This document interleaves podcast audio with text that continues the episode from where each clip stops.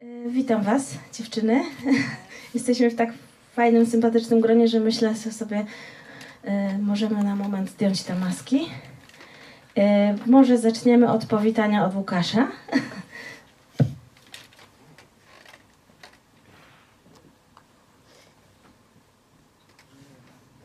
Dzień dobry, Łukasz Maciejewski z tej strony. Niestety nie mogę być osobiście na festiwalu e, z oczywistych powodów. Natomiast e, bardzo wszystkich serdecznie witam i dziękuję za zaproszenie.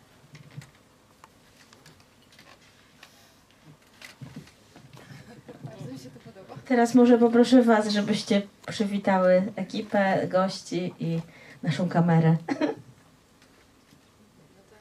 Dzień dobry. e, Dzień dobry, bardzo jest mi miło tu być. E, Cieszę się, że mogę i mam nadzieję na bardzo fajne spotkanie. Już mi się bardzo podoba od początku. Hybrydowa forma. E, Ja też witam wszystkich e, i fajnie, że się możemy spotkać. Myślę, że jesteśmy bezpieczni. Fajnie, że jednak już można się na żywo komunikować. No i mam nadzieję też, że, że coś ciekawego się od Was dowiem i jeszcze coś odkryję. Weźcie panie, ale ja was nie znam. Może Właśnie, bo nie wiedziałam, czy się mam Po to przedstawić, Panie dostały mam- mikrofon, żeby się A my przedstawić. same mamy. Tak, zapraszam. E, Dobra. E, dobrze, to, e, Katarzyna Klimkiewicz, jestem reżyserką i scenarzystką. E, mój taki najgłośniejszy film Hanoi Warszawa, krótkometrażowy, dostał Europejską Nagrodę Filmową. Mój pierwszy pełnometrażowy film nazywał się Zaślepiona i powstał w Wielkiej Brytanii. E, Był w Polsce też e, w kinach e, takich arthouse'owych, a teraz jestem już po zdjęciach i po montażu do filmu Jesienna dziewczyna o Kalinie Jędrusi, który będzie miał premierę na początku przyszłego roku. A ja się nazywam Marta Konarzewska i jestem autorką różnych tekstów kultury, ale między innymi scenariuszy filmowych, e, w tym e, scenariuszu filmu Nina, który pisałam razem z Olgą Hajdas, która jest e, też jego reżyserką. I jestem zobowiązana zawsze mówić, że jestem, bo tak trzeba i tak jestem związana umową, że jestem laureatką tego konkursu Script Pro za scenariusz pełnometrażowego filmu Włast o Piotrze Właście, czyli e, pisarzu znanym jako Maria Komornicka. Także przedstawienie się mamy już za sobą. E, Chcę zacząć od tego, słuchajcie, że mm, taka przyszła mi do głowy myśl tuż przed tą debatą, że Toni Morrison, znana amerykańska pisarka, powiedziała kiedyś, że została pisarką dlatego, że nie było dla niej tekstów do czytania, że nie mogła znaleźć nic, co by oddawało ją w, tym, co ma e, wokół siebie, w tych książkach, które są obok niej. I dlatego zajęła się pisaniem, żeby napisać coś dla siebie, ale przede wszystkim też stworzyła wspaniałe teksty kultury. Em, Stąd moje pytanie do Was. Dlaczego zaczęłyście zajmować się scenariopisarstwem? Czy też chodziło o to, że nie mogłyście znaleźć, odnaleźć się w tym, co pisali, pisały inne, inni? Wiesz co, nie wiem, Toni Morrison powiedziała też, że mm, pisanie czegokolwiek e, o cudzym życiu, to znaczy mm, branie cudzego życia jako materiału swojego pisania jest naruszaniem praw autorskich tej osoby, więc ja nie wiem, czy powinnam się odzywać tutaj pod tym, po tym, jak e, rozpoczęłaś od Toni Morrison, ale nie wiem, to, ja nie wiem, czy umiem odpowiedzieć na to pytanie, dlatego że rzeczywiście jakby najważniejsze zawsze jest to, żeby jakoś z siebie brać i wiesz, i, i sobą ten świat y, odbierać i poprzez siebie przeciągać i coś ważnego chcieć światu powiedzieć. Ja może właśnie dla mnie akurat pisanie scenariuszy jest jednym, ja nie jestem scenarzystką po prostu tylko i wyłącznie scenarzystką, więc ja y, pisząc teksty, m, z których mają powstać filmy, y, piszę i zajmuję się właściwie tym samym, czym zajmuję się wszędzie indziej, czyli ja się zajmuję mm, psychoanalizą, psychiką kobiet, kobietami, problematyką e, LGBT, jakkolwiek wyświechtanie to dzisiaj brzmi, e, tożsamością, e, jakąś taką, mm, takim, no, no właśnie, tożsamością tożsamością i wyjściem na własną indywidualność i to było dla mnie zawsze bardzo ważne i w każdej działalności swojej, czy to publicystycznej, czy naukowej, czy nauczycielskiej, czy właśnie pisarskiej, e, ja po prostu robię to samo, więc to jestem jakoś ja i świat przeze mnie przeżyty i coś, co ja próbuję światu powiedzieć, co nie zawsze jest łatwo e, zrobić w języku filmowym, a jeszcze trudniej w języku serialowym, w którym pewnie wiele trzeba upraszczać, ale to myślę, że właśnie o tym będziemy rozmawiać. W moim przypadku jest tak, że ja jestem przede wszystkim reżyserką, a scenarzystką przy okazji. Zaczęłam sama na początku pisać, ponieważ faktycznie nie mogłam znaleźć e, takiego tekstu, jakoś e, wte- wtedy nie było takiej przestrzeni i scenarzyści właściwie nie, teraz już tych szkół i, tego wszystkiego jest dużo więcej, ale wcze, wcześniej nie było tego, każdy właściwie pisał sam i nawet gdy pierwszy swój film w Wielkiej Brytanii robiłam na podstawie cudzego scenariusza, to gdy w Polsce e, ludzie mnie przy- i udzielałam wywiadów, to właściwie to e, bardzo często się przewijało takie pytanie, ale skoro to nie jest twój scenariusz, to czy to jest naprawdę twój film? I oczekuje się w Polsce od reżyserów, żeby byli autorami i też pisali swoje scenariusze. Oczywiście ten scenariusz, który ja dostałam tam w Anglii, to nie jest tak, że ja nie miałam w nim żadnego udziału. Ja nie jestem podpisana jako scenarzysta, ponieważ szanuję pracę scenarzysty, chociaż mój wkład był dosyć duży. Zresztą tam się scenarzysta w trakcie zmienił i tak dalej, więc, ale jednak na przykład właśnie mm, szacunek do pracy scenarzysty jest dużo większy, właśnie dlatego, że jest większa ta specjalizacja.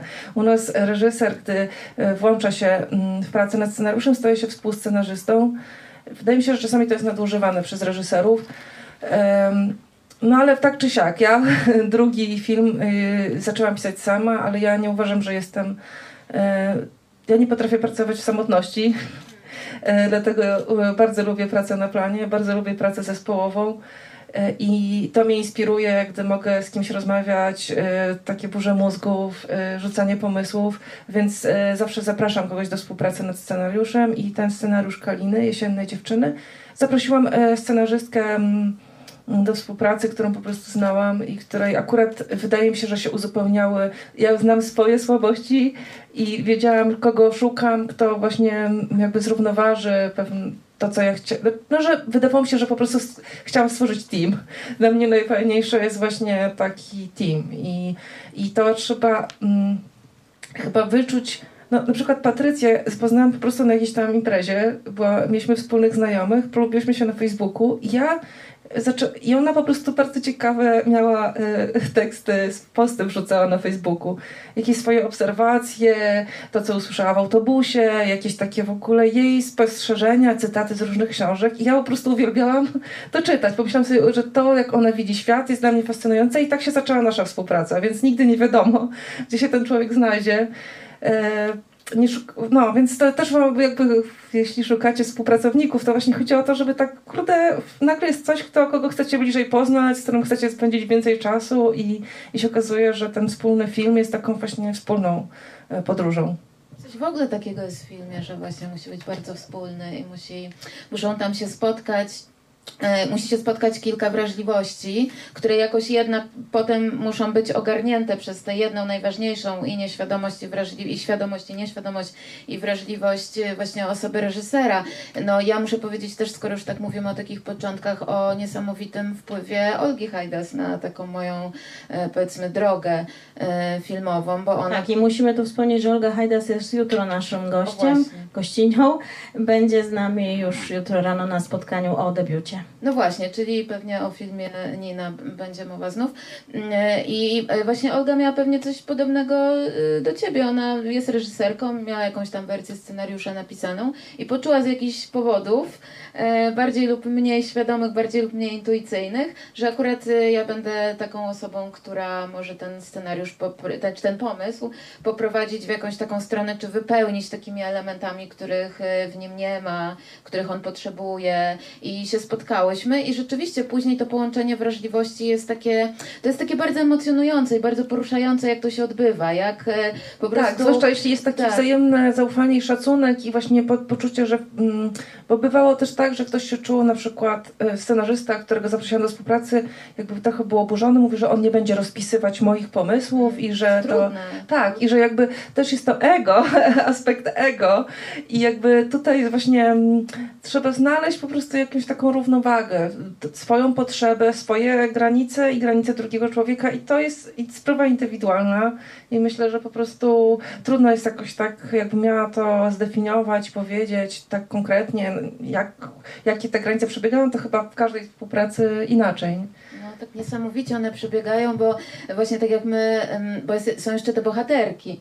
Są te osoby, które piszą, osoby e, aktorki, e, już tak mówiąc o kobietach, e, i, i bohaterki. Na przykład u nas było tak, że bohaterka Nina miała strasznie dużo ze mnie, bo po prostu ja pisałam i też tak właśnie czułam, że to jest takie moje i to jest moja emocja i ona jest tak napisana. Potem oczywiście była też Olga ze, ze swoim widzeniem tego i potem jeszcze weszła Julia Kijowska ze swoim przeżywaniem i ona musiała sobą wypełnić tę osobę i, to, i, i na odwrót i jakby powstaje taki ostateczny jakiś taki produkt, który musi być wspólny i w pewnym momencie trzeba bardzo się wycofać i jakoś tak zrezygnować e, z siebie, prawda, już na rzecz tej trzeciej rzeczy, która powstaje i która później będzie percypowana z kolei przez widzów i e, widzki, prawda, które znowu wleją swoją wrażliwość tam. A jeszcze właśnie dlatego tak zaczęłam od tej Toni Morrison, jeżeli chodzi o, te, o to cudze życie, które się bierze, bo tak jak ja na przykład e, piszę, e, no właściwie tak lubię tak robić,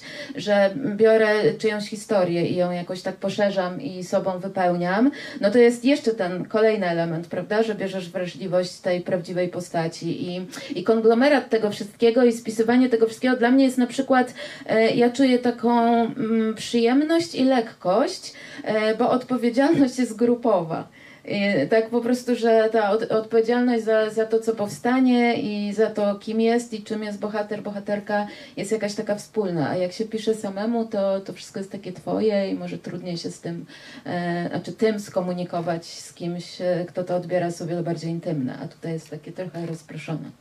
Wspomniałyście o tym, czy lubicie lub nie lubicie pisać same. Sprawdźmy, co sądzi o tym Łukasz. Scenarzyści mają swoje rytuały, takie drobne nerwice, y, które pomagają pisać. Y, Natomiast ja y, piszę najczęściej na mieście. Wybieram miejsca, w których jest dużo ludzi.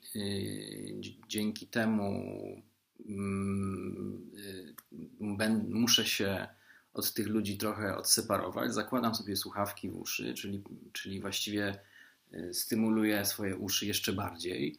I dzięki temu z jakiegoś powodu jestem w stanie się bardziej skupić. Czyli dużo ludzi y, i muzyka to powoduje, że jestem w stanie się odciąć y, od tych impulsów, i to powoduje z kolei, że y, ja się potrafię lepiej skoncentrować na pracy.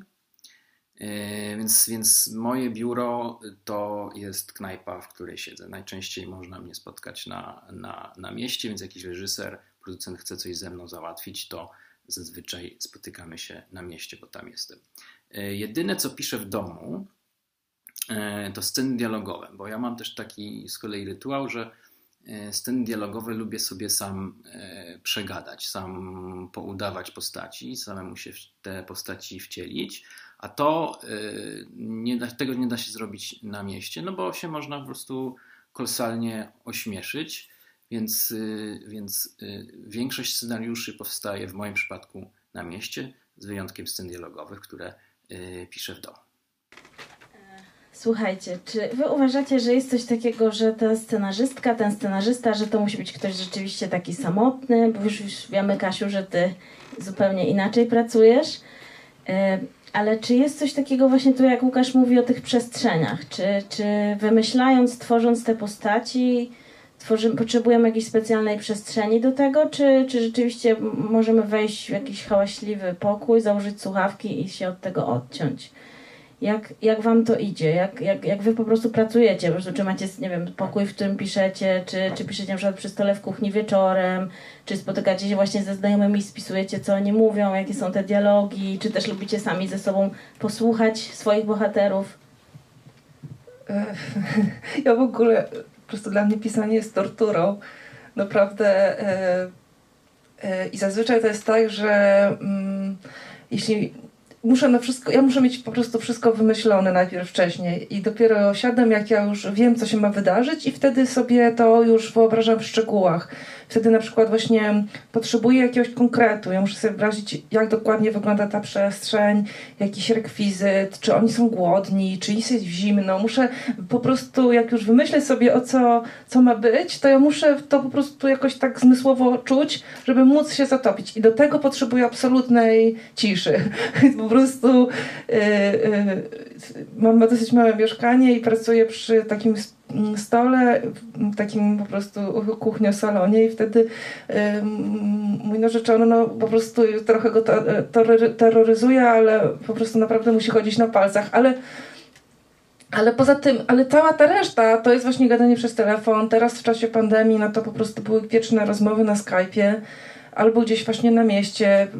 Ja na przykład, y, ta scenarzystka, z którą pracuję, Patrycja, mieszka w innym mieście, więc czasami sobie robimy taki wypad, że ja do niej przyjeżdżam na weekend i pijemy dużo wina i gadamy i gdzieś pomiędzy tym gadamy też o scenach, a potem spaczamy na inne tematy i jak ja wracam i sobie coś ustalimy, to ja już wiem, które, jak ja mam to napisać i wtedy się skupiam i piszę. Natomiast e, e, w ogóle już samo takie siadanie przed białą kartką jest po prostu dla mnie jakimś koszmar. To zawsze jest ten najgorszy moment, y, po prostu, żeby zacząć. Nie no, ja to jestem koszmarem i masakrą, bo ja pracuję przede wszystkim strasznie długo.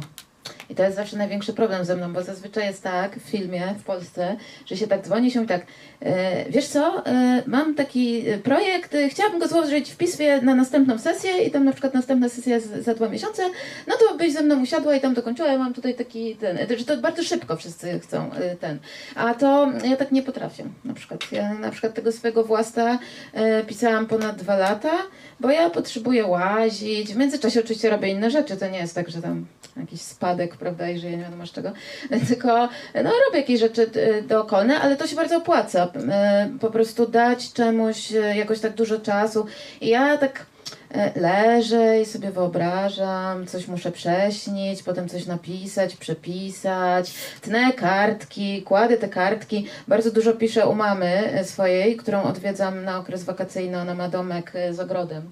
I ja tam rozkładam jej te kartki, łażę między tym. Jakoś tak, no po prostu potrzebuję w zależności od tego, czym, e, jaki jest film, jak jest bardziej kameralny, no to wiadomo, że mniej tego potrzebujesz, jak jest taki bardziej rozbudowany i ma dużo takich swoich warstw przestrzeni, y, no to potrzebujesz dużo mieć tego wszystkiego, z czego to lepisz, no to wtedy, ale właśnie ten czas i to jest coś takiego, co ja apeluję jakoś tak zawsze, tak mi się zawsze wydaje, że wszystkie dobre filmy, te, które ja lubię, które mi się podobają, reżyserzy i reżyserki, którzy robią takie rzeczy, pracują zazwyczaj właśnie długo, bo mnie się wydaje, że to wszystko musi się jakoś w tobie tak przerobić i przetworzyć i wytworzyć i zawsze cenię sobie takie osoby, które jakoś tak właśnie, bo w tym całym grupowym grupowej pracy też to jest ważne, że trzeba cenić, y, że trzeba szanować nawzajem każdy y, y, mm, proces odrębny. Każda osoba ma trochę inny proces. Fajnie, jak się tak zdarzy, że mamy podobny, ale często jest tak, że no nie wiem, jedna osoba pracuje bardzo szybko, druga z kolei właśnie potrzebuje tego czasu i trzeba to jakoś tam razem złożyć, nie?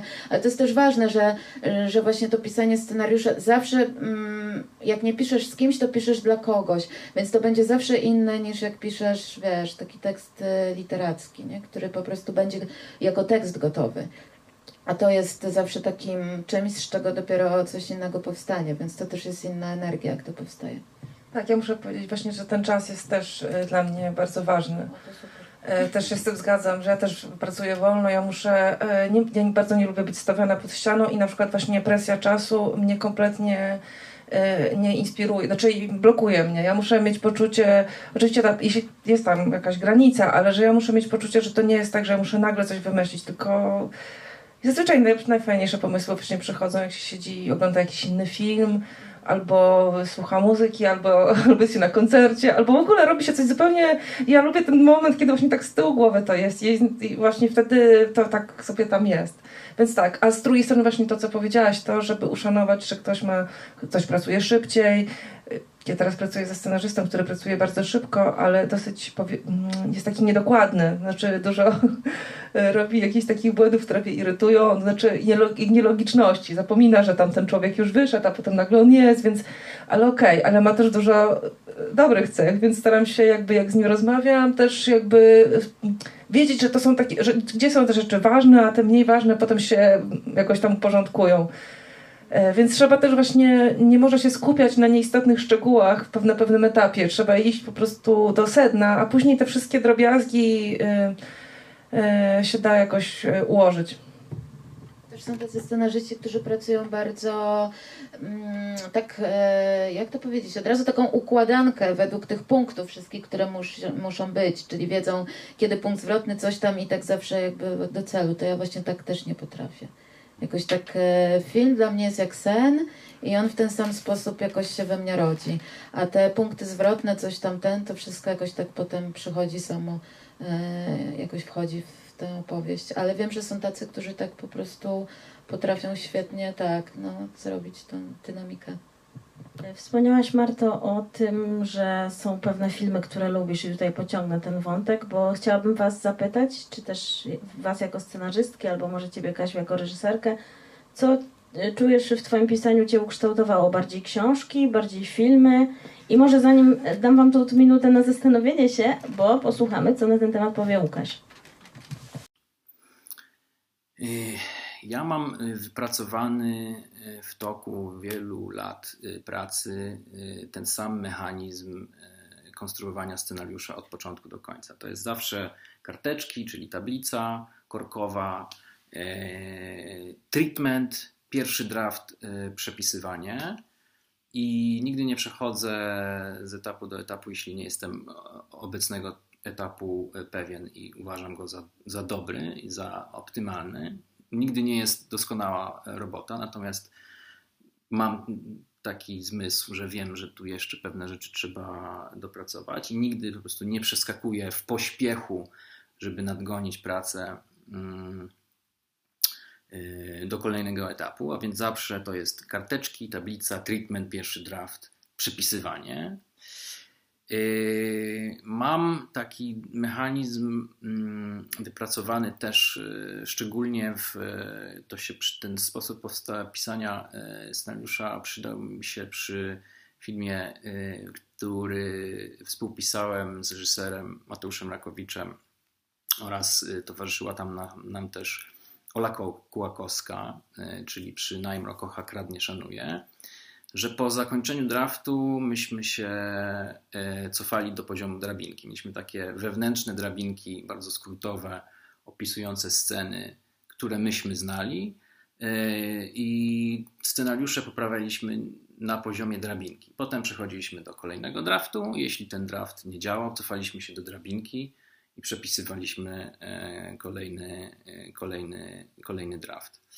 Y, Ja też mam taką mm, drobną, moim zdaniem, neurozę, ale nie jestem w stanie tego przeskoczyć, że nie jestem w stanie zacząć pisać scenariusza, jeśli, e, jeśli nie mam e, pierwszej sceny. Jeśli nie mam pierwszej strony, to, to nie jestem w stanie zacząć pisać całości. Jestem w stanie przesiedzieć tydzień i gdy po tym tygodniu wreszcie coś wymyślę, co mnie, e, co jakby jest w duchu tego, co chcę napisać, bo właśnie na tej pierwszej stronie łapię tego ducha tekstu, to wtedy, to wtedy jestem pewien, że wszystko pójdzie dobrze.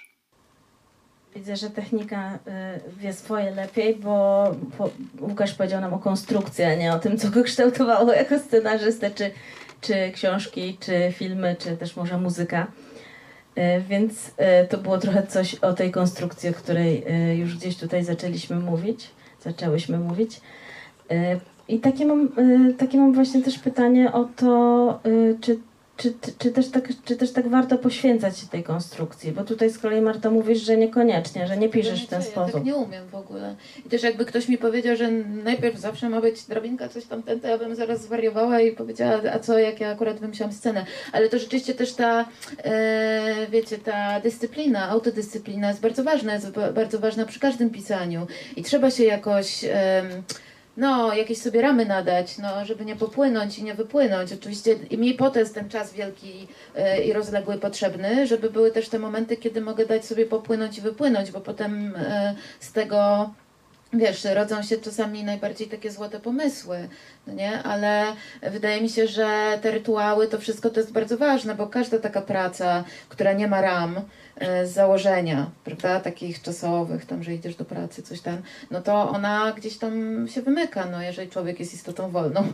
no to musi się trochę ten ograniczyć, ale wydaje mi się, że ta konstrukcja, znaczy ona w pewnym momencie, ona bardzo też pomaga, no bo ten film tego potrzebuje, to się nie może rozłazić, więc jak się zacznie rozłazić za bardzo, to jakoś tak trzeba sobie narzucić.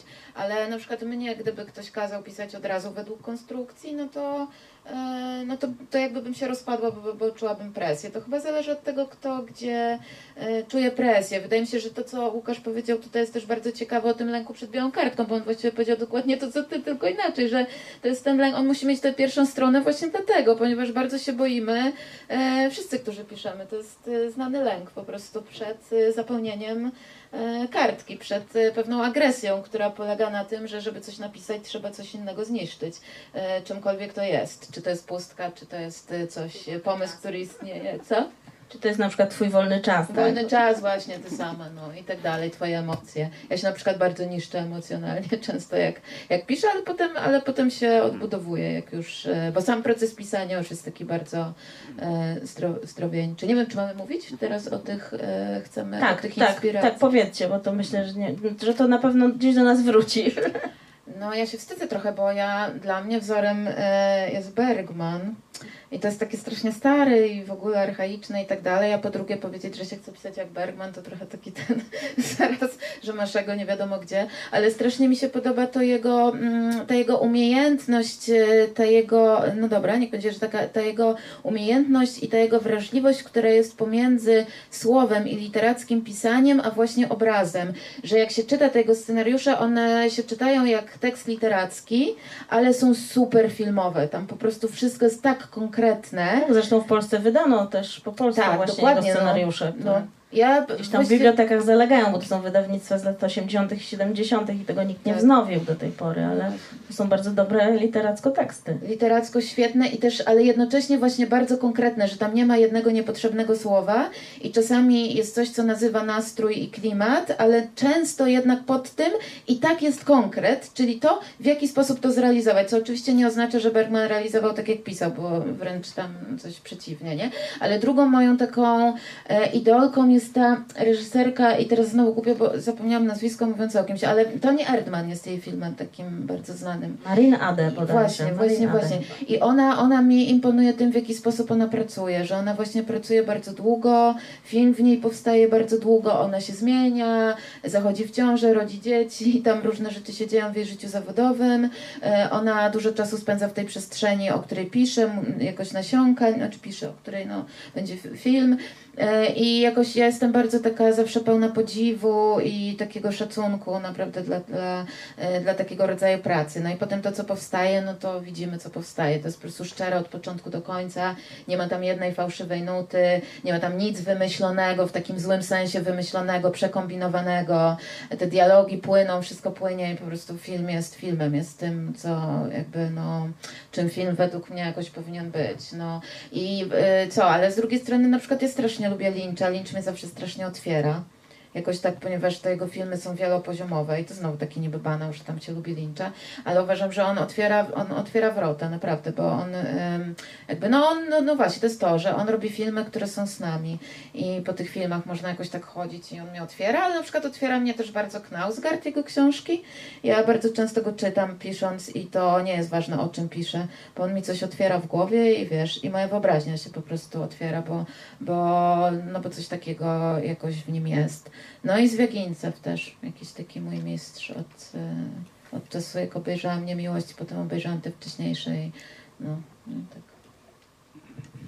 E, Wiecie co, no ja właśnie jak tak słuchałam a propos tej konstrukcji i a propos właśnie tych rzeczy to dla mnie łączy, bo ja jednak muszę mieć taką konstrukcję, bo ja właśnie popadam inaczej w jakąś panikę, gubię się, e, muszę sobie ułożyć jakiś taki, to oczy się często zmienia i jakby ja cały czas kwestionuję to i dlatego właśnie chciałam pracować z Patrycją, bo ja czuję, że ta konstrukcja mnie z jednej strony pozwala mi zacząć, daje mi jakiś e, po prostu poczucie, że ja do czegoś dojdę, ale z drugiej strony czasami mnie blokuje, bo się strasznie zawieszam, że tu musi być jakaś wielka, coś się wydarzyć, a jeszcze nie wiem co. A właśnie Patrycja ma taki luz, że ona się w ogóle tym nie przejmuje i dlatego właśnie ona jakby, ona w ogóle, ja mówię, ty nie myśl o konstrukcji, ja będę myśleć, róbmy tak, że po prostu i każda z nas tak jakby trochę in, płyniemy innym nurtem, ale gdzieś tak równolegle i się dopełniamy.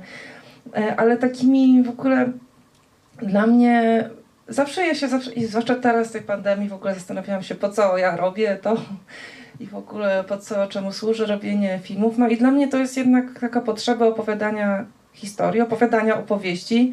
I dla mnie od dziecka, nie wiem, w moim domu moja mama była e, zafascynowana Nabokowem i ja wzrastałam w jakimś takim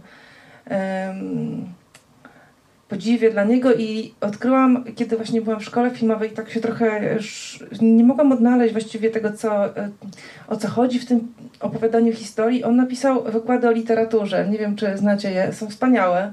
E, Chyba trzy tomy o literaturze angielskiej i rosyjskiej i, jakie, i też i w ogóle międzynarodowe. I, no i on analizuje e, i ró- różne, i Dostojewskiego, i Cervantesa, i po prostu różne powieści takie y, w sposób fascynujący i właśnie odswie- mnie to najba- najbardziej e, otwiera. Ja czasami właśnie to zawsze są te książki przy, e, e, gdzieś tam na mojej półce blisko i czasami jak się zablokuję, to właśnie czytam te eseje, bo one gdzieś tam są tak zachwycające właśnie w tym, jak w ogóle z jakich elementów powstaje ta opowieść. Czasami jakiś, jakiś on, on, on potrafi jakby zwrócić uwagę na jakiś niespo, nies, zaskakujący punkt widzenia, że nagle po prostu nie wiadomo kiedy jesteśmy z punktu widzenia psa, obserwujemy jakąś scenę właśnie w wojnie i pokoju pod koniec, tak? I że w ogóle ja to, jak czytałam tą książkę, w ogóle to nie zwróciłam uwagi, ale jak czytam to i faktycznie wróciłam do tego i to mnie otwiera, to właśnie punkty widzenia, opowieści, to jakby ta konstrukcja, jak to jest w ogóle zrobione. I takim, być może właśnie mnie takie właśnie te, ta maszyna, tak jak chcę tak zaglądać i patrzeć, jak te tam zębatki działają i co działa, więc to na pewno w ogóle takie właśnie wkraczanie w taką, ty mówisz sena, ja mówię właśnie takie opowieści pierwotne, gdzieś tam ja wszędzie zaczyn- szukam jakiegoś takiego źródła pierwotnego, dlaczego my coś robimy i staram się gdzieś tak, skąd się to w ogóle wzięło, że człowiek w ogóle chce coś takiego robić, albo robi, albo się tak zachowuje. Fascynują mnie właśnie takie opowieści, gdzie takie podświadome jakieś e, i też e, oczywiście przeszłam fazę fascynacji Josephem Campbellem i tą drogą bohatera, ale dzięki temu odkryłam mm, fascynującego rosyjskiego antropologa Władimira Propa i on e, pisze też wspaniałe, no, fascynujące to o, o bajkach. Więc to mnie inspiruje, tak? Takie w ogóle e, e, mi, coś takiego bardzo pierwotnego w potrzebie pisania i a jeśli chodzi o filmy, to zawsze chyba takie kino lat 70. amerykańskie, czyli na przykład e, Czas Apokalipsy jest takim moim po prostu, właśnie on dla mnie odpowiada na tą moją potrzebę takiego mitu i takiego zejścia w coś takiego bardzo pierwotnego i, i takiego nie, niepokojącego, fascynującego, ale tak samo też taksówkarz i Scorsese, to są tacy moi idole i kino lat 70. Ale dzisiaj jak jechałam tutaj autem, to leciała muzyka e, z Interstellar i tak pomyślałam sobie, że chyba z ostatnich lat to ten film po prostu ja mogę oglądać w kółko. On mnie, I tam, ta, zwłaszcza ta scena, e, kiedy ten czas e, się rozciąga i ściąga i w ogóle coś takiego, że jak to, że, że to kino jest fascynujące, że można zrobić coś takiego, że czas się może rozciągać, zwi, zwijać i w ogóle nagle zaczęłam, w- zaczęłam po prostu, obejrza- obejrzawszy ten film, zrozumiałam na czym polega w ogóle grawitacja i względność czasu. E, I no i właśnie to jest dla mnie jakieś takie mega przeżycie, że, że jakby jest opowieść, ale ona mnie przenosi na jakiś inny, do jakiejś innej takiej sfery bytu. O tak.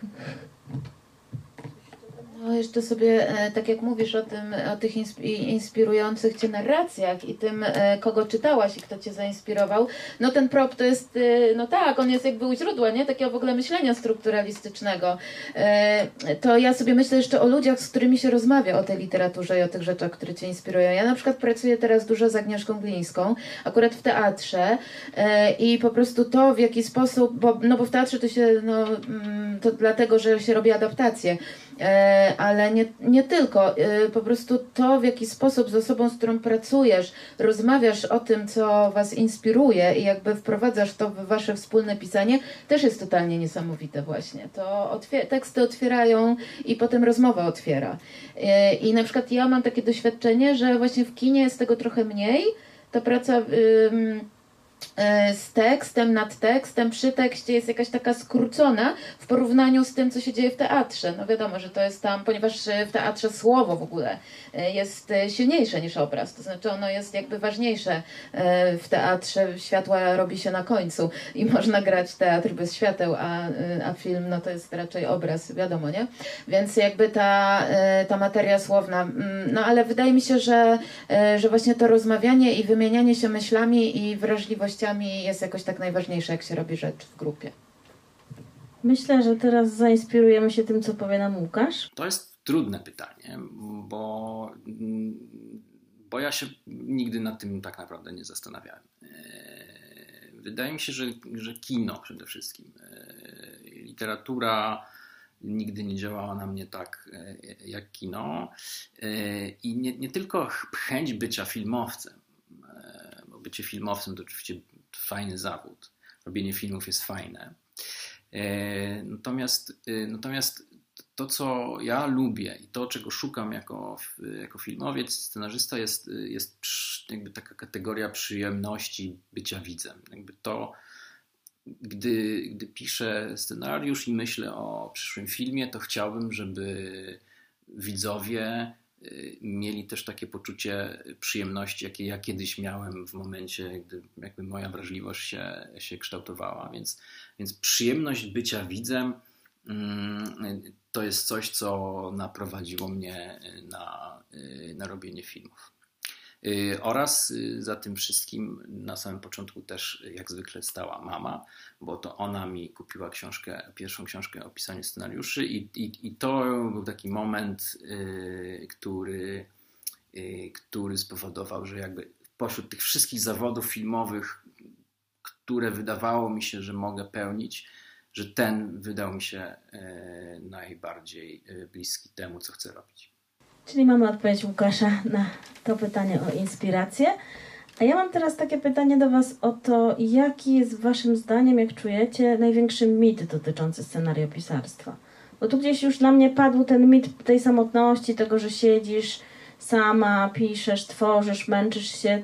Owszem, tak też jest, ale też czasami trzeba pisać z kimś, albo y, po prostu to jest fajniejsze niż pisanie sa, sa w samotności. Więc tak się zastanawiam, czy istnieją jeszcze jakieś mity dotyczące tego zawodu, czy nie wiem, może nawet chodzi Wiecie o... co, jest taki śmieszny mit, który, y, znaczy mit, ja nie wiem, ale y, początkujący scenarzyści mają takie poczucie, że, y, że ktoś im ukradnie ich pomysł i strasznie są y, y, y, wręcz paranoicznie, nie chcą nikomu nic wysyłać i, i nie chcą wysyłać scenariusza, nie chcą tego publikować. To jest po prostu...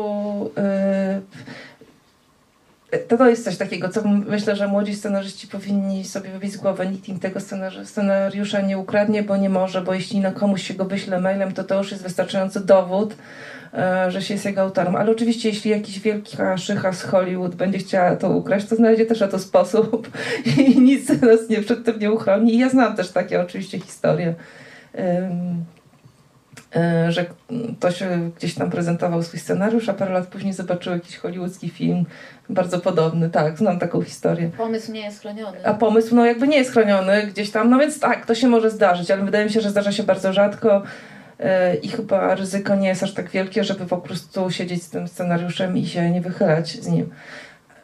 Ale i to jest właściwie chyba taki jedyny, bo, bo chyba rozbiłyśmy te mity, że scena, no i że, a drugi mit, myślę, że scenarzysta jest e, takim e, demiurgiem, y, samotnym po prostu twórcą i, i jakby on daje ten scenariusz i on już jest skończony i po prostu każde słowo musi się zgadzać. Jakby myślę, że dojrzali scenarzyści już to rozumieją, że scenariusz jest tylko punktem wyjścia, on często się na planie zmienia i wręcz nie tylko, że się y, tego boją, ale wręcz tego oczekują, starają się pisząc tak dawać, dawać przestrzeń właśnie na te zmiany, ale jednocześnie y, najważniejsze, żeby było żeby ten scenariusz na tyle był czytelny w swoich intencjach, y, bohaterowie na tyle y, czytelni, że nie ma ryzyka, że to się we wszystko y, rozsypie, bo jeśli bohaterowie są niezbyt precyzyjni, czy tam intryga, czy motywacje, to faktycznie mogą pewne zmiany na planie sprawić, że wszystko się zacznie ro- rozłazić.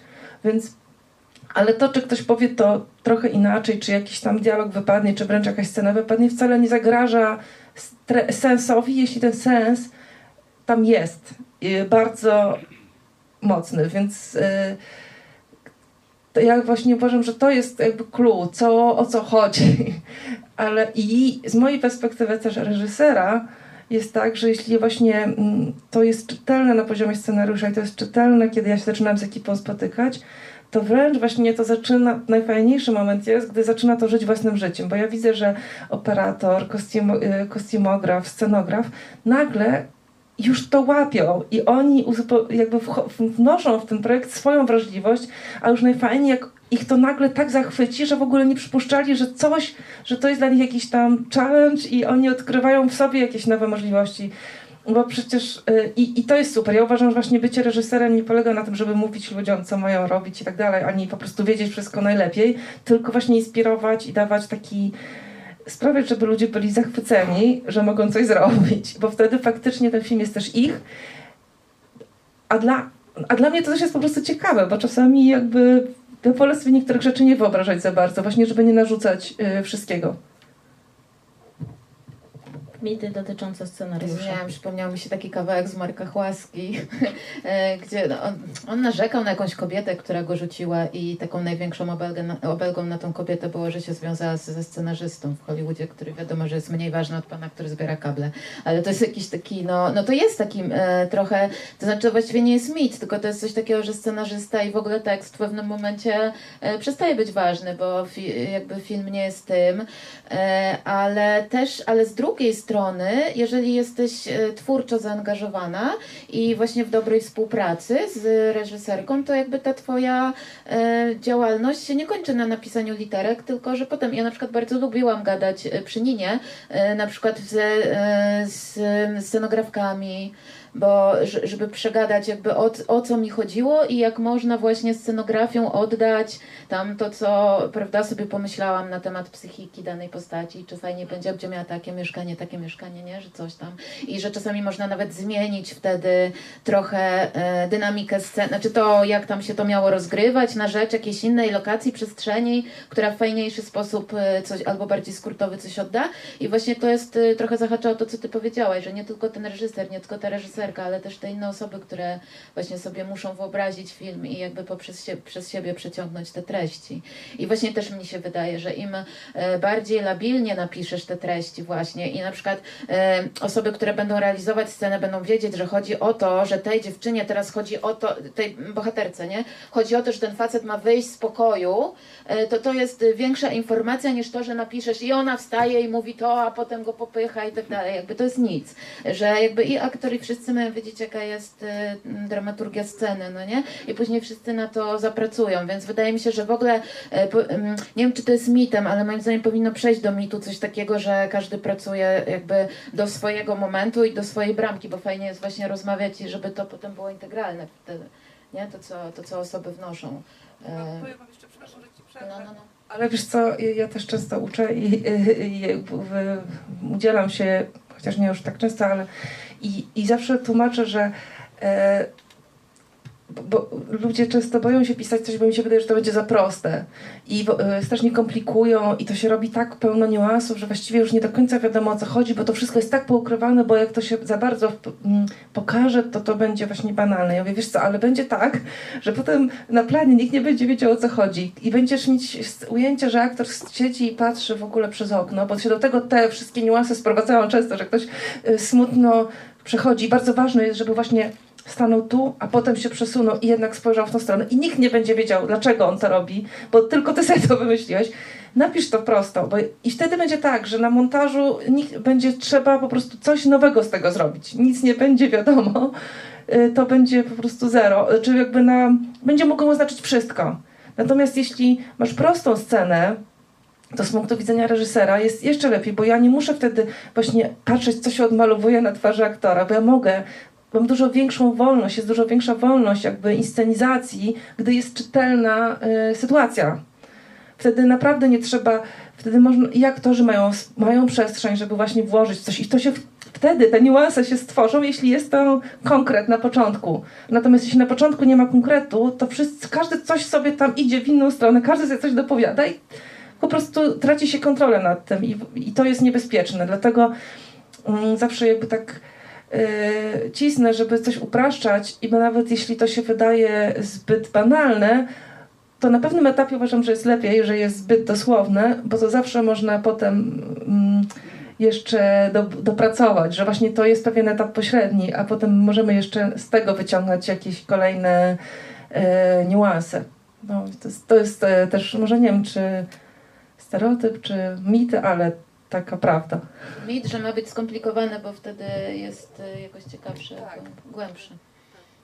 Wiecie, teraz pomyślałam sobie, że może też jest taki mit, taki, jak mówimy tu o prostocie, że po prostu, y, że mężczyzna jest w stanie napisać scenariusz o kobiecie. I czy to jest waszym zdaniem mit, czy, czy, czy może to zrobić? W sensie, bo po, od czego to wyszło moje myślenie, nie chcę tutaj jak nikogo narażać na jakieś na obrazę czy coś w tym stylu, ale pomyślałam sobie o tym, że jest tak mało scenarzystek, że tak mało mamy. Ja na przykład teraz czuję się wspaniale, kiedy z wami sobie o tym gadam, ale może ktoś jest niezadowolony na przykład, ale nie o to mi chodzi. Chodzi mi o to przede wszystkim, czy uważacie, że nie ma, e, nie ma kobiet scenarzystek? Są kobiety scenarzystki? Czy to, to, to też gdzieś mi wraca do tego tematu, że no, nie ma kina o kobietach, czy to kino się dopiero pojawia, że to się dopiero gdzieś tam tworzy, a z drugiej strony przy, powiedziałaś o Bergmanie, tak? No kurczę, takie portrety kobiet jak u Bergmana, no to On był strasznie szczery, znaczy on był kanibalem. On po prostu zjadał te kobiety, z którymi był i potem e, umiał to uzewnętrznić, a poza tym strasznie dużo robią mu te aktorki i e, z którymi też często żył i to się razem tak łączyło i wydaje mi się, że cała ta, po prostu ten przepływ energii jakoś tam był. No są geniusze.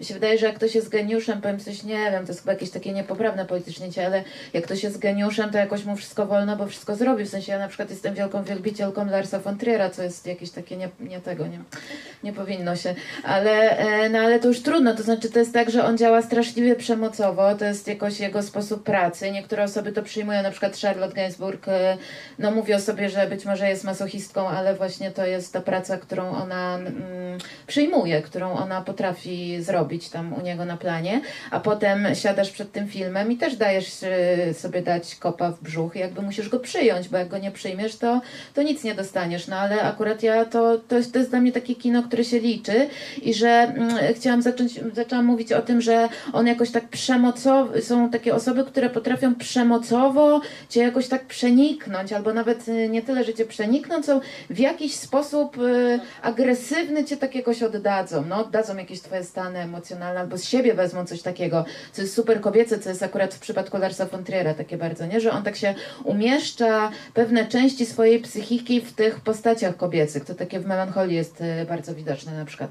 I no, i wtedy może, bo jakby czemu nie? Mówi się też o Almodowarze, że jest takim świetnym portrecistą kobiet, bo, bo w ogóle jest świetnym portrecistą genderu, nie? I jakby ten, czy, y, czyli różnych odcieni genderu, więc tak mi się wydaje, że tak, nie?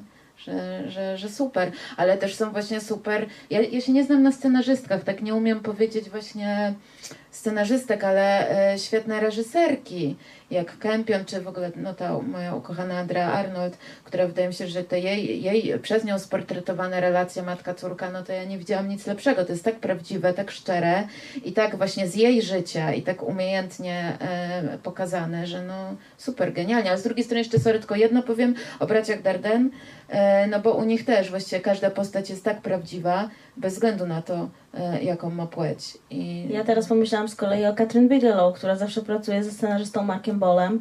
No i to też jest takie trochę e, odwrócenie jakby tradycyjnej proporcji, tak? Że ona jest reżyserką, on jest jej scenarzystą, jest zawsze w jej cieniu, ale praktycznie napisał wszystkie jej filmy.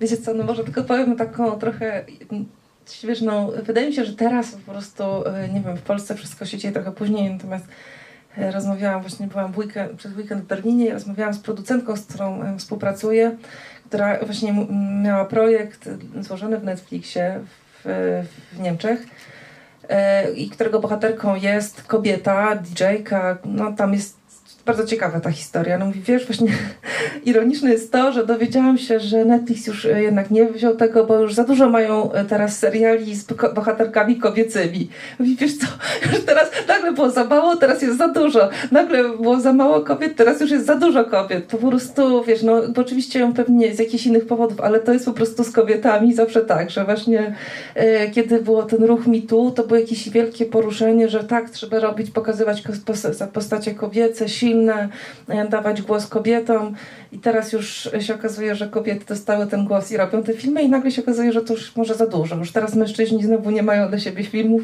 To jest po prostu no, taki znak czasów.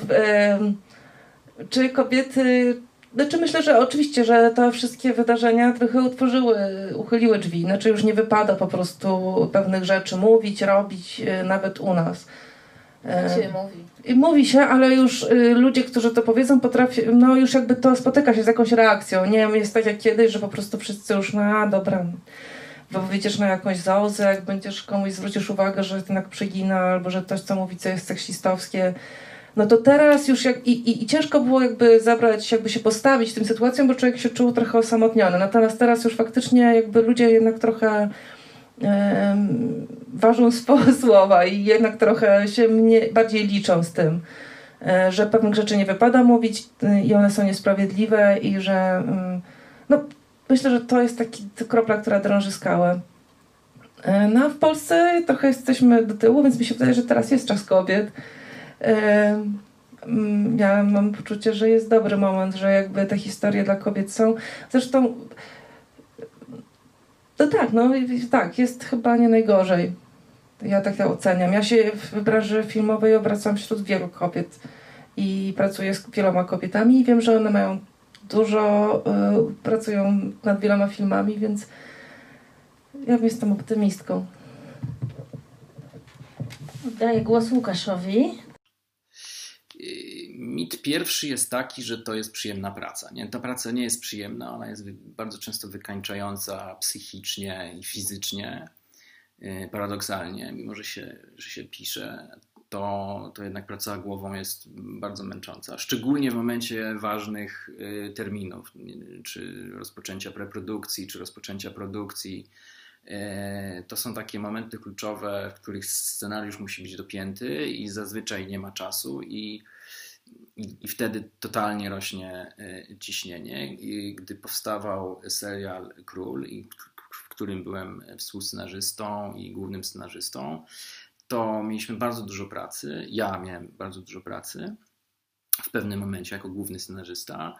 E, I pracowałem w tak dużym napięciu, że w momencie, w którym e, produkcja stwierdziła, że mamy to, przechodzimy E, przechodzimy do dalszego etapu produkcji, to ja wylądowałem w łóżku e, chory przez dwa tygodnie. Musiałem odreagować fizycznie duże, duże napięcie przy pracy takiej preprodukcyjnej. Więc, więc to, nie jest, to nie jest przyjemny zawód. Oraz to, że scenarzysta jest trochę jak poeta, może trochę jak pisarz, czyli że siedzi w domu i, i, i, i pisze. Y, to jest, to jest jakby nieprawda. Jeśli scenarzysta, który zaczyna pracę, albo chce zacząć e, e, karierę, to oczywiście może napisać scenariusz w samotności. Natomiast jeśli scenariusz nie powstaje w samotności, czyli scenarzysta ma reżysera, scenarzysta ma producenta, że jest ten tłum ludzi zaangażowany w e, powstawanie scenariusza, który efektywnie scenarzysta osobiście pisze, natomiast prace koncepcyjne nie powinny odbywać się w samotności, bo to oznacza, że się pisze do szuflady. Jeśli jest tłum, dookoła scenarzysty, to dobrze, bo to oznacza, że się robi, e, że się robi film, a to jest zawsze najprzyjemniejsze. Łukasz tu już wspomniał, o, e, czy może coś jeszcze do tego, co powiedział Łukasz? Czy jakby Łukasz wspomniał o tym, o czym może powinnam to ja powiedzieć, ale Łukasz miał szansę sam się przedstawić. Jest współscenarzystą m.in. serialu Król na podstawie powieści Szczepana Twardocha, ale też na przykład filmu Czerwony Pająk. To jest y, kino o, o, historii Karola Kota, to są lata 70, 60., przełom 60., 70. w Polsce. I też mam takie pytanie do Was, bo obie y, gdzieś tam zajmujecie się tą historią, więc y, czy, czy Waszym zdaniem coś różni pisanie kina historycznego od, od kina współczesnego? Czy jakby pisząc kino historyczne, scenarzysta powinien ujmować jakieś współczesne perspektywy, czy po prostu może sobie tworzyć coś zupełnie z tej historii i tylko na jej bazie? Ja zacznę, bo właśnie mam taką. Do jednego wniosku doszłam pisząc e, razem z Patrycją scenariusz do filmu o Kalinie Jędrusik. Jeśli chodzi o seksizm i stosunek do kobiet, i stosunek kobiet do siebie, i mężczyzn do kobiet, i w ogóle to, co wtedy y, y, panowało, Oczywiście wcale aż tak wiele się nie zmieniło, ale mimo wszystko aktorzy jakby mieli pewien problem czasami z niektórymi sytuacjami i jakby dla mnie było bardzo ważne, żeby zrozumieć, y, jak ludzie wtedy postrzegali siebie i jednak, żeby oni y, startowali z poziomu świadomości y, ludzi z lat 60., bo akcja się dzieje na początku lat 60., a nie jakby ze swoją świadomością teraz. To znaczy, że jeśli, że, że, że na przykład jeśli um, mężczyzna mówił w jakiś sposób o kobiecie, nawet w pewnym sensie kurtuazyjnie, ale jednak to były seksistowskie teksty, to aktor, który się, ja mówię, wiesz co, ale ty nie możesz myśleć o tym. Wtedy y, to y, wydawało się zabawne y, i, i tak ty, ty musisz jakby być w tym, w tym, więc dla mnie jakby z tej perspektywy, to jest epoka no, 80 lat temu,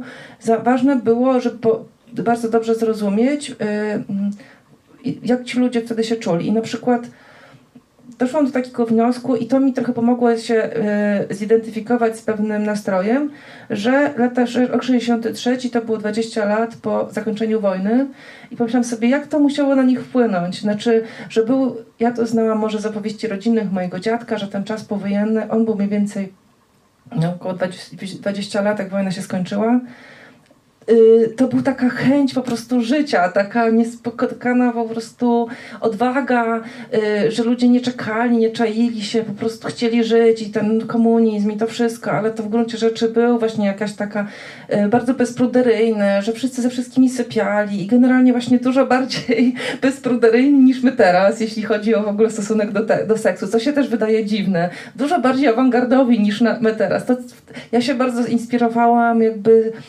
taką e, i kinem tamtych lat, ale starałam się po prostu za, taki za, pomost zrobić między tym, jak ludzie wtedy czuli. Na przykład pewne filmy były dla mnie jakąś inspiracją, Salto Konwickiego, czy Ostatni Dzień Lata, czy Wojna Domowa.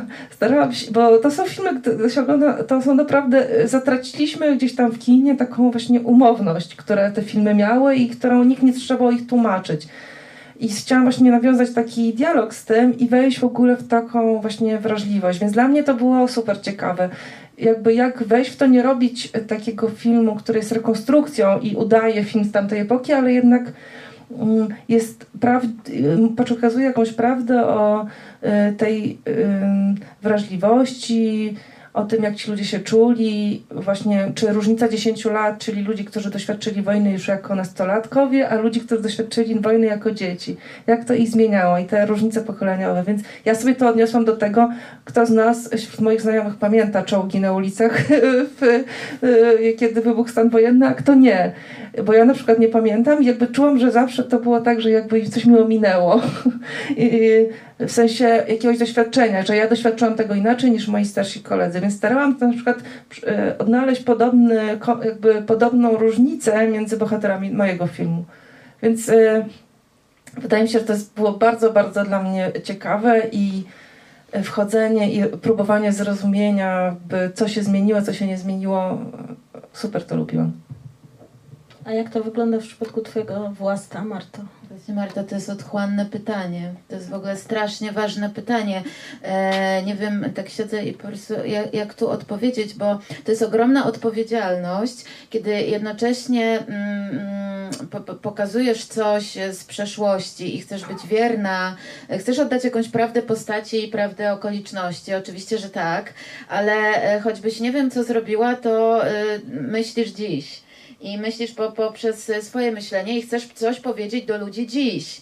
I jakby pewne, i to jest niezmienne, to po prostu musi tak być, więc wydaje mi się, że to, co jest najciekawsze, to jest zrobienie jeszcze trzeciej rzeczy. To znaczy, e, zachowując to, co jest dla ciebie najważniejsze, to, co czujesz, że właśnie będzie się trzymało prawdy postaci, albo no właśnie prawdy tego, co, e, co, co czujesz na temat tej postaci, czy na temat tej historii, ale jednocześnie będzie wnosiło coś od ciebie i coś ze współczesności i coś, co będzie zrozumiane dzisiaj. Znowu mogę się powołać może na przykład, no właśnie na tą Andreę Arnold, jak ona zrobiła Wichrowe Wzgórza. No to jest po prostu coś, to jest totalnie niesamowite. To jest to, jak ona wzięła, to co jest istotą tamtego konfliktu totalnie bez cepeli, już nawet y, zaczynając od, od, pomysłu i kończąc na kostiumach i, y, i tamten genialny ten robi Ryan za tą kamerą i po prostu to, co oni zrobili, ten nowoczesny sposób kręcenia tego, ale to już nie wchodząc, w każdym razie po prostu istota tego konfliktu i tego, co się dzieje w bohaterze i ta jego butność ta jego duma, ale jednocześnie to, co my dzisiaj wiemy o rasizmie, o wykluczeniu, e, o tym, co to znaczy inność, co to znaczy obcość, co to znaczy jakaś taka monolityczna kultura i tak dalej, i tak dalej. Więc jakby ona to połączyła i mi się wydaje, że to jest punktem dojścia. Jakby powiedzenie czegoś ważnego i, i wykorzystanie tego, co, co możesz wiedzieć, żeby właśnie znowu nie mieć cepeli, żeby nie mieć i też, no, bo w ogóle twórczość jest ważna. Tak mi się wydaje, że musi być ruch w tym, co robisz. Jakby to, co jest dla ciebie ważne, to bierzesz, a to, a to co jest dla ciebie ważne, to dodajesz. To teraz Łukasz. Rzeczywiście tak się złożyło, że e, filmy, które napisałem czy współnapisałem, e, to są filmy i serial, e, które dzieją się w przeszłości. Czerwony Pająk to są lata 60. Król, serial Król to jest głównie rok 1937 i kilka innych planów czasowych historycznych. Y, Najmro to jest, y, y, to, jest, to jest moment przełomu końcówek lat 80. i moment przełomu i zmiany systemowej w Polsce. Więc rzeczywiście, rzeczywiście to są filmy, które są filmami kostiumowymi, jeśli przypisać im taką kategorię. Natomiast ja nie robię filmów historycznych, takie mam przekonanie. Ja w każdym z tych projektów szukałem mm, jakiegoś współczesnego elementu, czegoś, co opisuje współczesność. Dla mnie e, przeszłość, dla mnie historia to jest, przynajmniej na ekranie, to zawsze jest metafora e, naszego tu i teraz. Czasami łatwiej przez figury historyczne doszukać się tej metafory, bo, e, bo jakby filmy współczesne, które jakby dzieją się na naszych ulicach tu i teraz i opisują nasze problemy tu i teraz. Są bardzo często filmy, które, yy, które szybko się starzeją i to źle. Yy, natomiast filmy kostiumowe, właśnie przez to, że jest konieczność wypracowania yy, jakiegoś, yy, jakiegoś połączenia ze współczesnością, wymagają tego od scenarzysty. Czyli scenarzysta i twórcy filmowi muszą znaleźć metaforę, tu i teraz, żeby ten film miał dla współczesnego widza e, znaczenie, żeby był e, emocjonalnie e, jakby rezonował. A, w dodatku jeszcze mamy jakby filmową, atrakcyjną formę historyczną. Tym możemy się pobawić, tym możemy, możemy pobłyszczeć na ekranie. Więc to jest jakby dodatkowy walor kinowej atrakcyjności. Współczesność nie zawsze jest atrakcyjna a współczesność, y, y, choćby i szara, to zawsze, zawsze jest bardziej ciekawa i bardziej plastyczna. Więc, więc rzeczywiście te filmy, które zrobiłem, ten serial, który powstał, to są rzeczy historyczne, natomiast one nie są, są tu, tu i teraz. I, i, to też mnie jakby przyciągało do tych projektów, że ja się musiałem dodatkowo napracować, żeby taką metaforę znaleźć. Czy coś do tego? Nie, wiesz, to mi się przypomniało, że to jest, wiesz, to jest właśnie dlatego otchłanne, bo to jest jeszcze to tak ważne pytanie o przemianę z wiatrem na przykład, prawda? Że jakby, czy my możemy, czy, co my mamy dzisiaj zrobić? Czy my mamy zachowywać pewne formy myśle, formuły myślenia jako, nie wiem, jak biblioteka i że tak było i że to jest ważne i to zostawiać w rzeczach, które robimy? E, czy już od tego odchodzić, skoro dzisiaj wiemy, że coś jest przemocowe albo coś jest wykluczające, albo ten, że to jest to, samo, to, to, to jest pytanie o przemianę z wiatrem które zadałaś. To znaczy o to, wiesz, e, jak traktować historię, czym jest kultura. Czy kultura powinna korygować, czy kultura powinna dialogować, czy kultura powinna po prostu, nie wiem, trzymać jak na półce. No. Że się oprawię, bo oczywiście mój stosunek do tego też jest w tym filmie u, u, ujęty, e, bo chodzi, tak, bo oczywiście wiesz, jakby tylko właśnie ja nie chciałam, żeby to był, żeby ta krytyka pewnych sytuacji, bo ten film jest dosyć krytyczny i w gruncie rzeczy w ogóle, jak go teraz oglądam, to w ogóle jest niezwykle aktualny, w ogóle jeszcze na jednym poziomie, którym nawet nie myślałam, e, że może być, że to nie było jakby, to nagle wyniknęło. E, ale, ale tak, no, ale też ja, e, więc to jest właśnie ten taki, taki bardzo delikatna sprawa, tak? Gdzie zachować właśnie e, tą ducha epoki, a gdzie być krytycznym i gdzieś e, wkładać. E, to, to jest kwestia gustu.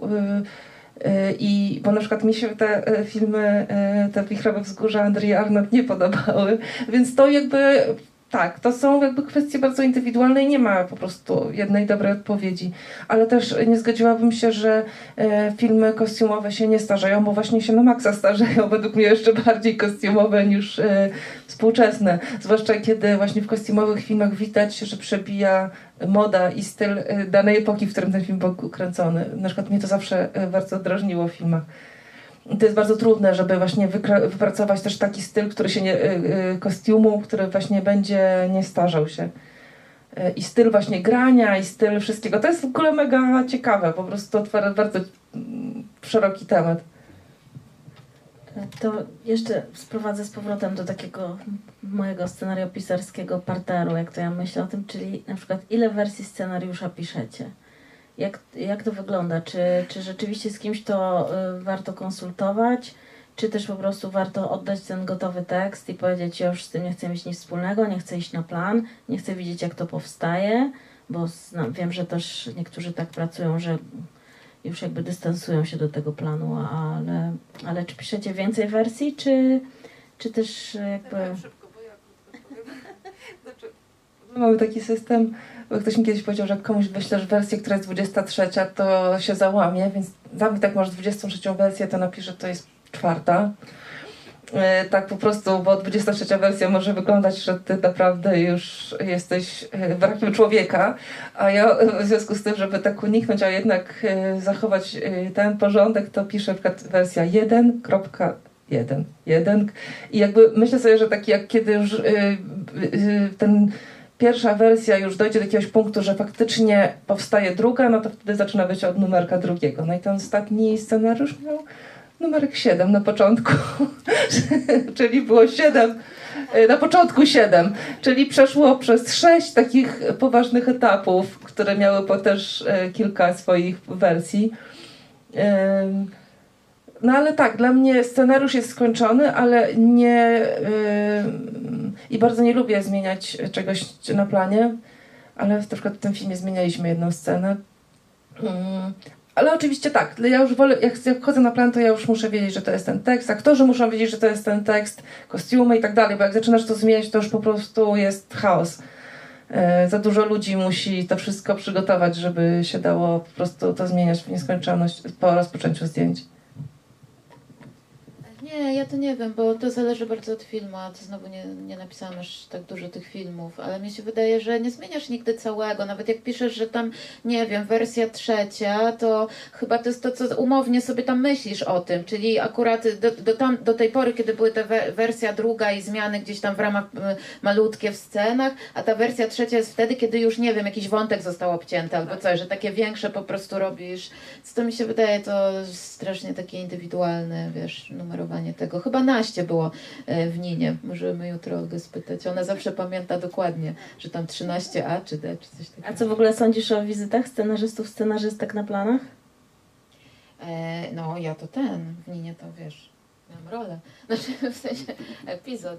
E, niektórzy bardzo nie lubią, bo że scenarzyści właśnie się załapią. To, co ty mówiłaś, że, że po prostu jak są takie osoby przywiązane do tego, co napisały, no to potem przecież w ogóle nie mogą zobaczyć, jak to wygląda, bo oszaleją, że to jest zupełnie coś innego niż to na papierze.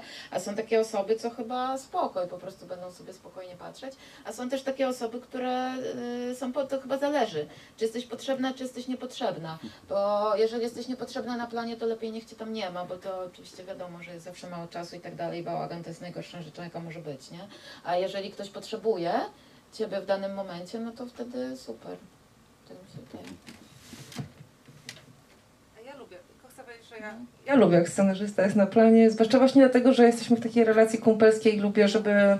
I nawet jeśli Patrycja tego dnia nie była, to jej zawsze wysyłałam jakieś e, zdjęcia i jakby ona była cały czas na bieżąco i to bardzo lubiłam.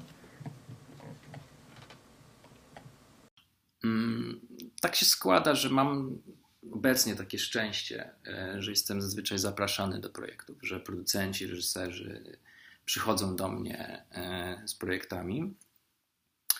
E, Więc, więc zawsze z tego względu bardzo blisko współpracuję z reżyserem i z producentem. Na, jakby mm, to jest taka, wydaje mi się, taka umiejętność, którą też dobry scenarzysta powinien mieć, oprócz technicznego, tych, technicznej umiejętności pisania scenariusza, czy dobrego ucha do, do, do dialogu, to jeszcze ważny jest taki jeden zmysł, czyli zmysł dopasowywania się do, do reżysera i do wymogu też samej produkcji.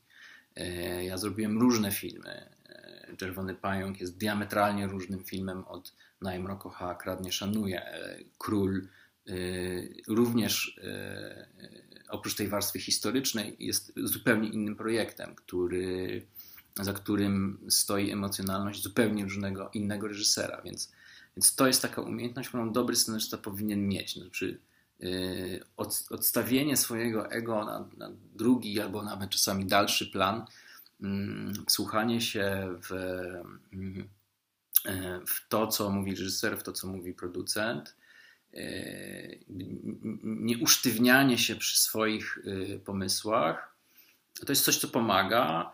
E, Jakby to wymaga, pewnego poziomu em, empatii, jakby zrozumienia e, producenta, reżysera, czy kogokolwiek, z kim się współpracuje, bo scenarzysta nie powinien pracować sam, więc, y, mm, więc, więc y, ja zawsze bardzo blisko pracuję z y, reżyserem, a wersji, ile powstaje, tego nikt nigdy nie wie.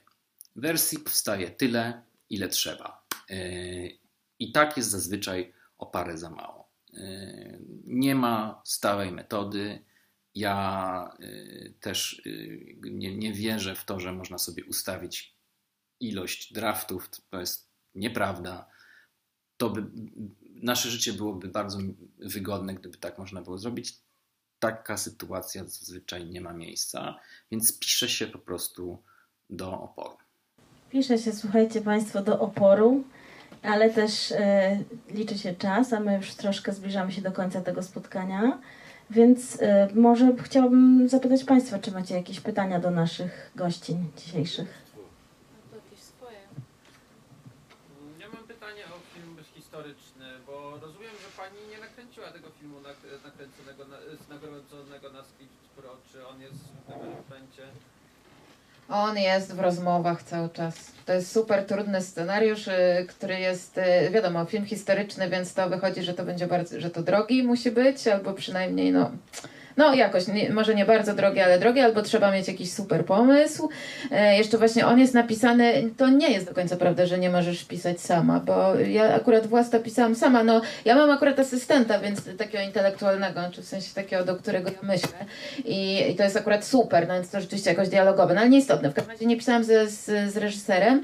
I ponieważ nie ma, y, to osoby czytają i coś mówią i to jest akurat taki scenariusz, który e, on się bardzo podoba, już mogę to tak normalnie powiedzieć, skoro został nagrodzony, prawda, więc akurat mogę sobie być, mówić e, obiektywnie, ale wszyscy mówią, że jest super trudny właśnie do realizacji, właśnie dlatego, że będzie musiał być drogi, a jednocześnie tak zwany ambitny, e, pogłębiony, niszowy, no bo co, to jest scenariusz o pisarzu, o osobie niebinarnej, dzisiaj możemy powiedzieć już, że jakby wiemy, co to znaczy e, przez sytuację polityczną, jaką mamy teraz, prawda, i ten precedens, to, no to, to, to jest bardzo trudne. I on tak e, sobie ten scenariusz chodzi, biega, a jednocześnie czeka. I, e, no i poczekamy. I zobacz, jest parę osób zainteresowanych e, nim, i też producencko, i, i czekamy na najlepsze okoliczności, warunki osoby i, i wrażliwości. Hmm? Bo jakby nie bez powodu pytam, bo też napisałem e, e, podobnej tematyce Mm. scenariusz e, i tak mnie zastanawia, jak Pani oceniają ogólnie szanse powstania, e, znaczy to są dwa, dwa pytania w sumie w jednym. Po pierwsze e, w tej postpandemicznej rzeczywistości, czyli takiej, gdzie prawdopodobnie kultura będzie miała cięte środki, Czy w ogóle takie filmy historyczne będą powstawały, tudzież będą dotowane przez PiS? A drugie pytanie było, było, ale mi wyleciało. Może na... Albo może tylko historyczne będą teraz dotowane przez No Was. właśnie.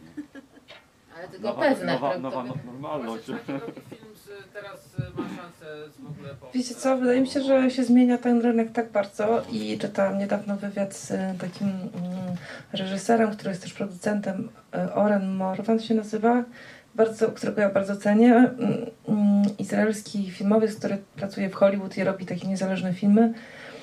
I on e, no, miał taką no, że po prostu jesteśmy, trwa rewolucja, którą on porównał do rewolucji y, wprowadzenia dźwięku do filmu, czyli że cały rynek się zmieni, że pewne zawody przestaną mieć rację bytu, a inne się nowe stworzą. Teraz, gdy nasz film jest współfinansowany przez Netflix i okazuje się, że z tego względu po prostu w ogóle nie potrzebujemy agenta sprzedaży. I nagle w ogóle mnóstwo agentów się do nas zgłaszało i tak myślałam sobie, to jest ginący zawód. Agenci sprzedaży filmów właściwie przez, niedługo przestaną mieć rację bytu, jeśli tak się potoczy, że właśnie te wielkie, te wielkie filmy będą inwestować i od razu one będą w tych platformach streamingowych. To też pytanie, czy właściwie większość widzów nie przyniesie się na te platformy streamingowe. Ludzie mają już coraz lepsze warunki do oglądania tych filmów i y, ta pandemia być może też to jeszcze przyspieszyła, że, że, się, że ta, ten content ten, jak to się nazywa, content, jest potrzebny. Więc z punktu widzenia nas, twórców, to się zmieni może tylko to, jak ten film będą, gdzie one będą prezentowane, czy one będą w kinach, czy, w te, czy właśnie ym, na różnych platformach streamingowych, ale będą, bo pokazywały to, jak, że, że wszyscy oglądali Netflixa i HBO i myślę, że też wszyscy w pewnym momencie znużyli się tym, że ta oferta jest dosyć monotematyczna i wydaje mi się, że y, ja w pewnym momencie po prostu już przestałam oglądać i, i, i przeniosłam się na zupełnie takie niszowe platformy, y, bo już nie mogłam oglądać wciąż tych samych formatów. I z tego względu myślę, że będzie, wytworzy się, przypuszczam, jakaś też platforma, która będzie, no zapotrzebowanie na te filmy jest. E, Czy w formie seriali, czy w formie. Ludzie chcą, wracam do tego, co mówiłam na początku, ludzie chcą słuchać opowieści. E, Najpierw przy ognisku, potem książki, później filmy, a teraz być może seriale. Seriale są taką jak XIX-wieczną powieścią, prawda, z taką epickim rozmachem. Tak, wydaje mi się, że ta pandemia nie sprawi, że przestaną być produkowane filmy. Być może, mam nadzieję, że sprawi, że będą, że będą coraz bardziej, że będzie potrzeba szukania ciekawych opowieści, nietypowych. I wydaje mi się, że też będzie e, i, i te budżety wcale nie będą mni- mniejsze, ale jak do końca to się wszystko potoczy, to tego nie wie nikt. E, W sensie takim ekonomicznym. Ja, ja też mam pytanie, czy jak e, pracują Panie e, w duecie, czy jest jeden scenarzysta, który jest jakby wiodącą osobą, która ma jakby ostatnie zdanie, to jest, nie wiem, na przykład jego pomysł i jest osoba, która mu w tym pomaga, czy, czy to jest kwestia, no nie wiem, no czasami ten, czasami jest tak, że, że te myśli mogą być e, różne i ten scenarzysta, jeśli jest to je- jego pomysł, okej, on przyjmuje często te mm, drugie zdanie, ale on stawia na swoim. Właśnie chciałem się dowiedzieć, jak to jest w, w Pani przypadku. To Ja mam dwa przykłady, dwóch relacji. Pierwsze właśnie tak jak mówiłam, że zaprosiłam scenarzystkę do swojego pomysłu i jako reżyser, i jako ten może wiodący pomysłodawca, ja miałam to ostatnie słowo, natomiast ja, nigdy nie było tak, że ja stawiałam na swoim wbrew niej. Znaczy zawsze, jeśli ona się z czymś nie zgadzała, to ja, to był dla mnie jakiś yy, sygnał, że, że ja muszę, że, że to nie jest dobrze, żeby ona się nie zgadzała. Ja chciałam, żeby, jej się, żeby ona się zgadzała. To nie była współpraca na zasadzie, że ja, ktoś silniejszy, ten postawi na swoim.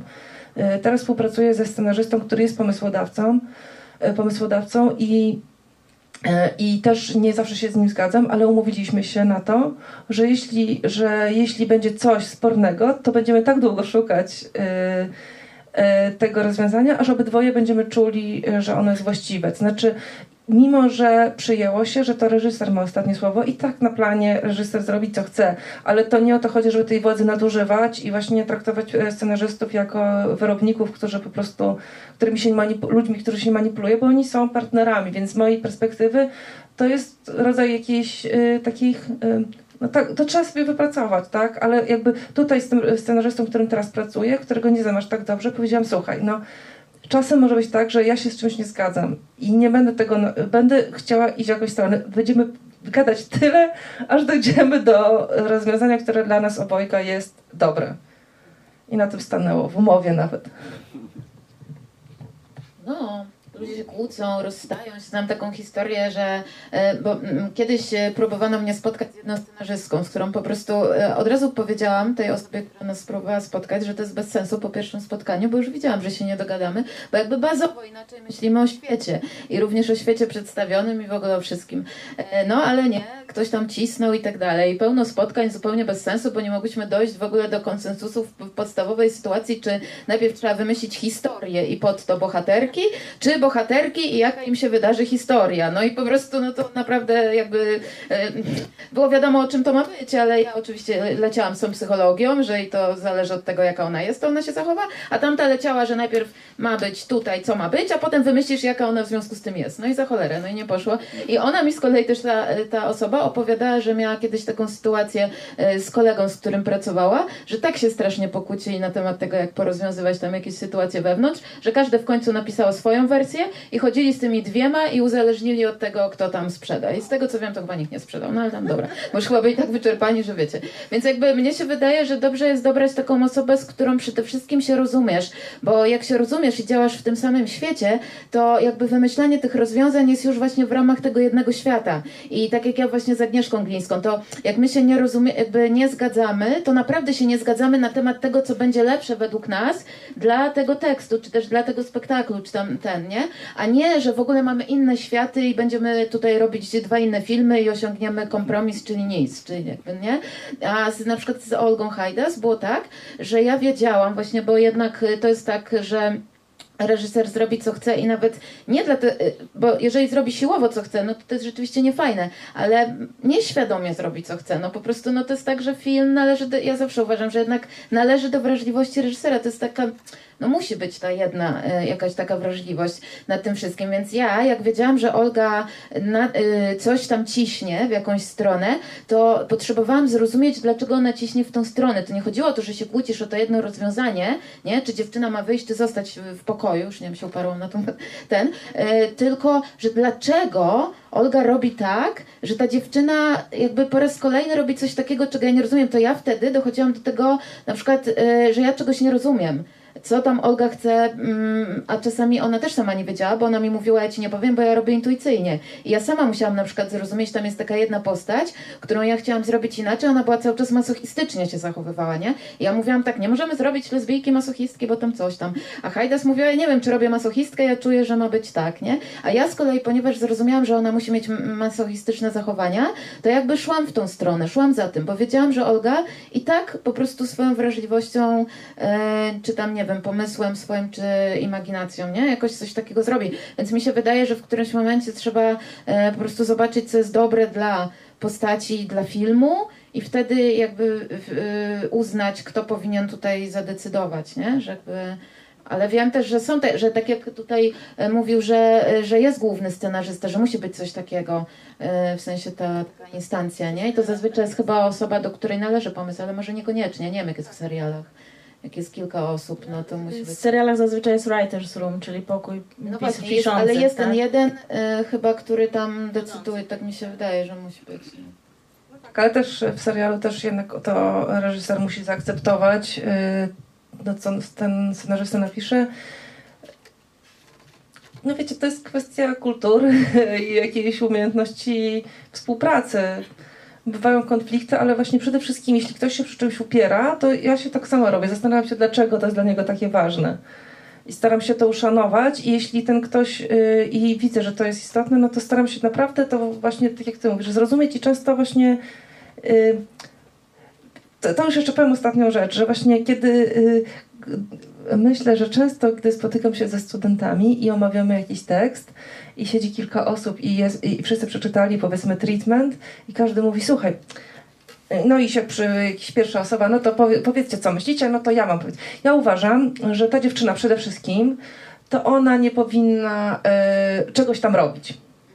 I ja mówię, wiecie co, nie, nie można zaczynać od tego, że ty mówisz, to nie jest twój scenariusz i nie o to chodzi, żebyś ty wymyślał, jak co ta osoba powinna, czy nie powinna, tylko jeśli czegoś nie rozumiesz, zastanowić się, dlaczego sugerujesz jakieś rozwiązanie, zanim zadasz pytanie, gdzie jest ten błąd. Znaczy, jeśli ona, powiedzmy, po- y, w pierwszej scenie trzaskając drzwiami wychodzi i ty uważasz, że właśnie nie powinna wychodzić, tylko powinna właśnie zamknąć się w łazience, to właściwie dlaczego? Dlaczego ona wychodzi? I zacznijmy od tego właści- właściwie z pytania do scenarzysty. To będzie pomocne.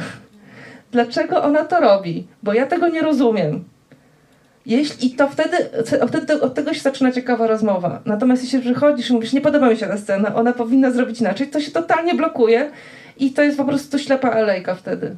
Mi się wydaje, że fajnie jest pisać z kimś, kto pomoże ci i też y, ten Jarek Zaręba, z którym ja pracuję, który jest moim asystentem, on mm, pomaga mi, jakby chodzi o to, że jak jesteś w dialogu z kimś, żeby zobaczyć, co jest twoje i przychodzi od ciebie, a nie od tekstu, jakby, nie? Że, że coś ci się podoba, bo jest twoje. No to jest to słynne tam kill your darlings, że trzeba zrobić, nie? Że jakby po prostu, jeżeli coś jest bardzo twoje i w kółko rozgrywasz swoją relację z matką czy z ojcem i na wszystkich po prostu rzeczach, które piszesz, będziesz to rozgrywać, czasem druga osoba ci to pomoże zrozumieć, bo zobaczy, że na przykład do tej postaci to nie pasuje. Jakby ta postać się tak nie... za- To jest twoje. To jest tylko twoje, nie? I, e, I jakby dlatego ważny jest ten dialog. I że to, to zdanie powinno wygrać tej osoby, które jest bardziej oddzielone, nie? Rozumiesz o co chodzi? Że jakby to się trzeba fajnie dogadać, bo w ogóle znaleźć team, znaleźć kogoś, z kim pracujesz, to jest, e, to jest e, taki pierwszy krok do sukcesu, mi się wydaje. I dlatego ludzie w kinie też, no ludzie w kinie często mają te swoje ekipy i po prostu pracują z ludźmi, z którymi się już wiedzą, że się dogadują. Dobrze, niestety muszę zakończyć tę wspaniałą dyskusję, którą możemy oczywiście sobie przenieść na zewnątrz, ale tu za pół godziny odbywa się konkurs główny, na który Was wszystkich serdecznie zapraszam. Zobaczymy najnowsze polskie krótkometrażowe produkcje. A po seansie odbędzie się spotkanie z twórcami, na które serdecznie zapraszam. Bardzo Wam dziękuję. To była super dyskusja. Dziękujemy bardzo.